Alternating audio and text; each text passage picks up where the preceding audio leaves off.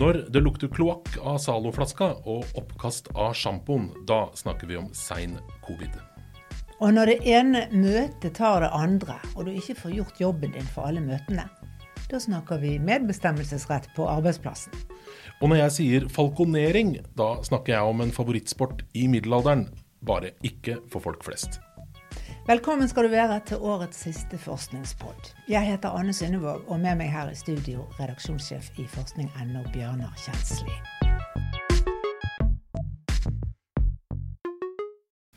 Aldri har så mange mista luktesansen, Anne. Det kan du trygt si. Og synderen er selvfølgelig koronaviruset. Det viser seg at svært mange av de som får covid-19, mister luktesansen for kort eller lang tid. Faktisk 77 Dette er tall fra en stor studie som ble publisert i august i år.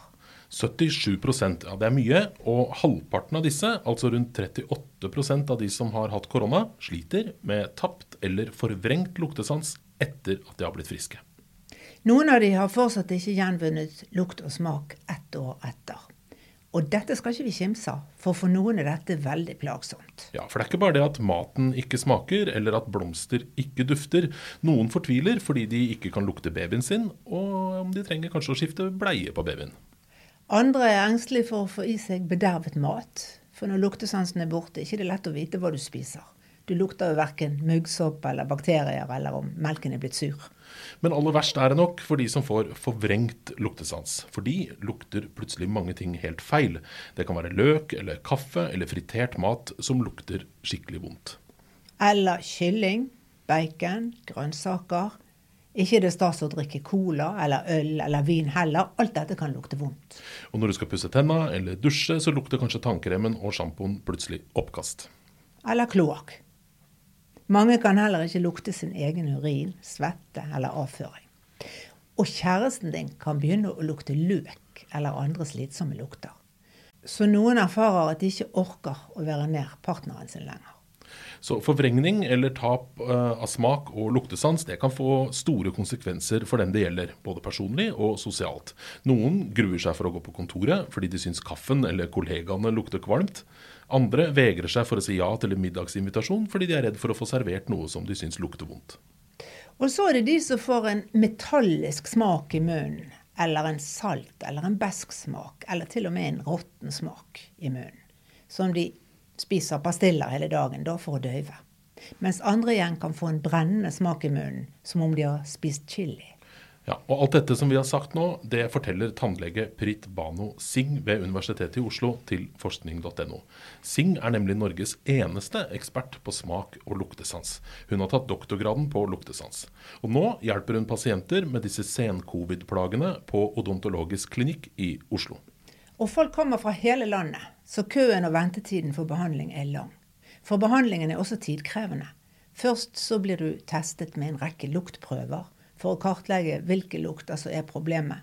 Du får lukte på blomster og krydder, frukt, mentol. Og etter denne kartleggingen så tilpasses behandlingen. Du får i oppgave å lukte på én og én kjent lukt, mens du skal tenke på alt du forbinder med den lukten. Hvis det er kanel, f.eks., så kan du tenke på risengrynsgrøt. Ja, eller jul. Eller på brunfarge. Og lukter du på lavendel, så tenker du kanskje på fargen blå eller Provence eller en krukke med lavendel osv. Og, og så blir du sendt hjem for å trene på fire oljer med ulik lukt. Og det er alle lukter som du kjenner godt fra før av. Og så skal du lukte i 20 sekunder på hver, to ganger om dagen. Og da må du legge sjela di i å tenke på alt som du forbinder med luktene. For det er for at treningen skal ha effekt. Da må du altså hente fram gamle minner som du kobler til, eh, med lukta, til hver enkelt olje. Det som da skjer, er at du aktiverer de nervene som formidler lukt. Og de har heldigvis evnen til å nydanne seg. Men det er bare luktesansen du kan trene på denne måten, sier Bano Singh. Smakssansen kan ikke trenes opp. Så den behandler hun med sinktabletter, og mot brennefølelser anbefaler hun antioksidanter som kaffe eller bær. Og Bano Singh hun har veldig gode resultater. Hun har til nå ferdigbehandla 56 pasienter som hadde forvrengt eller tapt luktesans. Og for 54 av disse så har det gått bra. Det er bare to som fortsatt mangler luktesans. Og dette er forholdsvis unge mennesker. De er 40 år gamle i snitt og har gjennomgått covid-19 for åtte måneder siden, også det i snitt. Og de fleste av de hadde et mildt sykdomsforløp. Men det er så mange mange flere som trenger behandling for denne seinskaden, sier Bano Singh. Hun mener helsemyndighetene har bagatellisert dette problemet, og etterlyser midler for å trene og lønne flere behandlere, for i dag er hun nemlig helt alene om dette. Bano Singh var også tidlig ute med å varsle FHI om at når du mister luktesansen, så kan det være første symptom på covid-19. Det skjer gjerne før andre kjente symptomer, sier hun. Og dette har gått under radaren. Helsemyndighetene sier jo ikke 'bli hjemme og test deg hvis du mister smak eller luktesansen'. Det burde de kanskje gjort. Ja, Så hva får vi si det, da. Så hvis du plutselig mister lukt eller smakssans, så bør du isolere og teste deg, for da er det ganske sannsynlig at du er smitta av korona og kan smitte andre.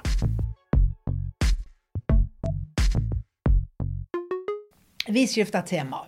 Hadde du hørt om falkoneri før, Bjørnar? Ja, jeg tror det. Jeg har sett noen sånne med sånne hansker med sånn rovfugl oppå. Jeg hadde ikke hørt om det før jeg leste det på forskning.no her forleden. Falkoneri. Altså ikke flerkoneri.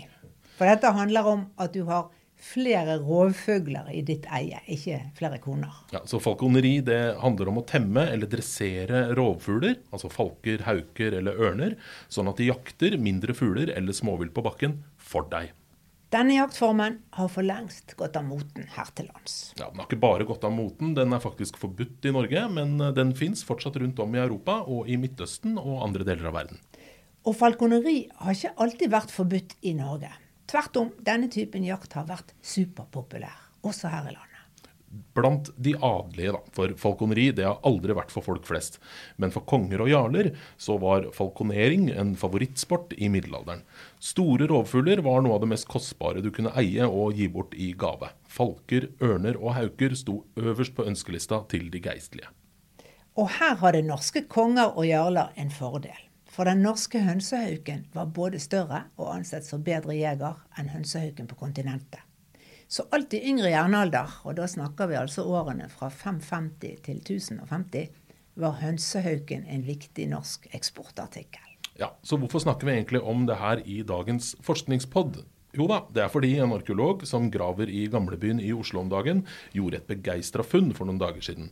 Hun, Ann Ingeborg Floa Grindhaug heter hun, hun fant nemlig et knivskaft som er formet som en mannsfigur med krone på hodet og en jaktfalk på armen. Og dette mener arkeologene kan være det hittil eldste funnet i Skandinavia av en figur som viser falkejakt. De daterer knivskaftet til første halvdel av 1200-tallet. De har ennå ikke rukket å få analysert materialet som figuren er skåret ut av. Det kan være fra et gevir, et bein eller en hvalrosstann. Den lille kongefiguren er kledd i en tidsriktig kappe, og på hodet har han en krone der det er tre synlige hull. I disse hullene kan det enten ha vært festet ringer av sølv eller gull, eller kanskje hullene har vært festet for et hårbånd av roser, mener arkeologene ved Norsk institutt for kulturminneforskning. De kongelige hadde det nemlig med å bære en rosekrans på hodet i middelalderen. Håkon 5., f.eks., som var Norges konge fra 1299 til 1319, han ble alltid fremstilt med et hårbånd av roser. Litt femi for oss kanskje, men moten skifter jo med tidene. Ja, og Både Håkon 5. og de andre norske kongene helt fram til slutten av 1300-tallet skal ha vært aktive falkonerer. Det var rett og slett enormt populært å jakte med tamme rovfugler i middelalderen. Kongene hadde også profesjonelle rovfuglfangere i sin tjeneste. Og det var rovfugl man ga i gave til hverandre i overklassen den gangen. En falk, hauk eller ørn som var mer eller mindre dressert. Under Magnus Lagerbøtta på 1200-tallet så blir det lovfestet at kongene har eierskap til alle store rovfugler i landet.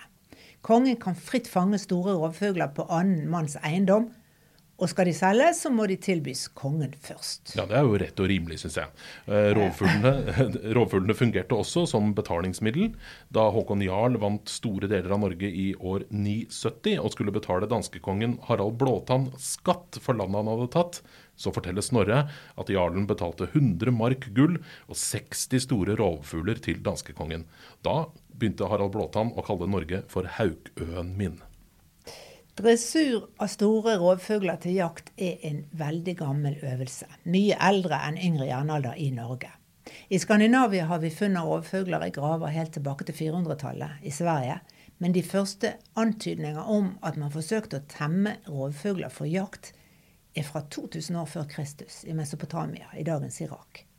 Falkoneri var populært i Kina også lenge før vår tidsregning, og i Mongolia og i Midtøsten. Og denne jaktformen kom antagelig til Europa noen hundre år etter vår tidsregning. Ja, Og med falk så foregår det på den måten her. Falkonereren venter til falken er høyt oppe i lufta og selv søker etter bytte. Så kaller han tilbake falken med en såkalt falkelokke. Det er en sånn slynge med et tyngre lodd i enden som ser ut som en fugl. Og på denne lokken blir falkene matet ellers, så de er vant til å finne mat der. Og det er selvfølgelig om å gjøre da at falken ikke spiser sitt eget bytte før falkonereren har funnet det. For hvis falken rekker å spise byttet, da risikerer du at den flyr mett og fri av gårde. Og sånn mistet man fort falker. De var ikke tammere enn som så, da. Ja. Men jakten med de store falkene det krevde store, åpne landskap der falkonereren fulgte fuglenes flukt fra hesteryggen. I Norge så tilpasset adelen jakten det norske landskapet. Det var hønsehauken som var favorittfuglen til de norske kongene, både i vikingtid og middelalder. De ble matet på hansken som falkoneren hadde på seg, og sendt rett fra hånden etter bytte. Hønsehauken tar ikke bare fugler i luften, men også hare på bakken og ekorn i trærne. Og de store norske hønsehaukene var enkle å fange og veldig ettertraktet på kontinentet og i England der det var et stort marked av fyrster og hertuger som ønsket seg rovfugl i stallen. Og så brukte man spurvehauken også. Den var det de unge prinsene som øvde seg med. Men spurvehauken den ble også brukt til sånn forlystelsesjakt i hager og parker, og på mer arrangerte jaktturer. Spurvehauken er også en uh, smidig bakholdsjeger og en akrobat i lufta, som da underholdt gjestene på banketter innendørs i de store hallene på 1400-tallet, med å jakte på spurv inne, da. Hvilken fornøyelse. Ja.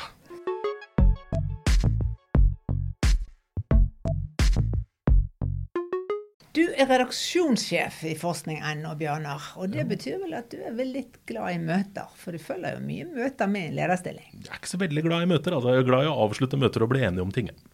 Ja, men, men spørsmålet er hvorfor blir det flere og flere møter i arbeidslivet? For det er jo det veldig mange erfarer at de gjør. Og det mener noen svenske forskere at de har funnet svaret på. De har nemlig gjort feltstudier på en rekke arbeidsplasser. De har vært flue på veggen hos politiet, i helsevesenet, i svenske Nav og i akademia. Og det de ser, er at overalt tas det initiativ til flere møter. Og det kommer en strøm av forslag om å lage nye dokumenter og nye planer. Og det til tross for alle hjertesukkene rundt omkring, at alle disse møtene er tidstyver. Det blir jo mindre tid til å gjøre jobb hvis man skal kalles inn til møter hele tiden. Likevel, byråkratiet brer om seg. Selv om politikere til høyre og venstre i årevis har hatt som mål å avbyråkratisere og effektivisere offentlig sektor. Og samme problem finner du i store private bedrifter. Og hvorfor det er sånn, det har å gjøre med flere ting, sier forskerne ved Universitetet i Lund. Den ene grunnen heter demokratisering, den andre at samfunnet har blitt mer komplekst. Og hvis vi tar demokratiseringen først. Før så var arbeidslivet mer hierarkisk, og en sjef kunne i mye større grad ta beslutninger helt alene. I dag må sjefen forankre mange flere beslutninger hos de ansatte. Medbestemmelsesrett på arbeidsplassen heter det. Og det betyr flere møter. Dessuten er det sånn i dag at stadig flere yrkesgrupper må konsulteres før en beslutning tas. Både i det private og i det offentlige ansettes det stadig flere med ulik yrkesbakgrunn. Noen er utdannet i administrasjon, andre i økonomi eller juss. Noen er kommunikasjonsfolk, noen er personalansvarlig, noen er markedsførere, gud vet. Og alle disse skal samarbeide. Og det skjer selvfølgelig på møter. Ja, Men da blir det en slags dominoeffekt. For hvert møte det genererer flere møter. Og da blir det morgenmøter, planleggingsmøter, formøter og ettermøter. Fordi, sier forskerne, det er viktigere enn noen gang at de ansatte skal ha et ord med i laget. Det er demokratisk. Og det fordrer flere møter. Samtidig er det nødvendig å fatte beslutninger. Og disse to står i motsetning til hverandre. Og for å løse denne motsetningen kreves det flere diskusjoner og flere møter. Det blir en indre dynamikk i byråkratiet som skaper mer byråkrati. Flere møter, flere dokumenter, flere planer og flere omorganiseringer. Dette forklarer hvorfor det er så vanskelig å avbyråkratisere en virksomhet, sier forskerne. Og Forskerne de gir oss et eksempel fra et prosjekt som de har fått følge eh, for å hjelpe ungdommer som har kommet ut på skråplanet. Målet for de ansatte psykologene og sosionomene det er å holde tett kontakt med ungdommene og deres familier. Men fagfolka de ble vikla inn i en strid om ordlyden i dokumenter, om sosialtjenestens tjenester skal vektlegges mer enn ungdomsinstitusjonenes behandlingsplaner. Og striden det fører til et behov for flere møter. Og Forskerne de merker seg at det er litt stas å gå på disse møtene også, for her opplever de ansatte uh, nemlig at de blir sett. Det gjør de ikke alltid når de er ute i feltet og jobber da, blant ungdommene. Forskerne registrerer også at fravær fra møter det skaper mye irritasjon. For å gå på møte er viktig. Og en god unnskyldning for ikke å være tilgjengelig for andre oppgaver. Møter har gjerne førsteprioritet foran nesten alle andre arbeidsoppgaver. Og Samtidig så er møtene en maktarena. Bare det å bli kalt inn til et møte betyr jo at du er eh, etterspurt. Og på møter så kan du demonstrere din kompetanse og status foran de andre deltakerne. Kjenner du deg igjen i det? Ja, ikke helt fremmed, nei. nei. Vi kjenner i hvert fall på at eh, det er vel ikke overraskende at byråkratiet fortsetter å blomstre rundt omkring på norske arbeidsplasser. Og med det er årets siste forskningsbad over. Den er laget for forskning.no av Anne Synnevold og Bjørnar Kjensli. Og vi ønsker deg som hører på en god og møtefri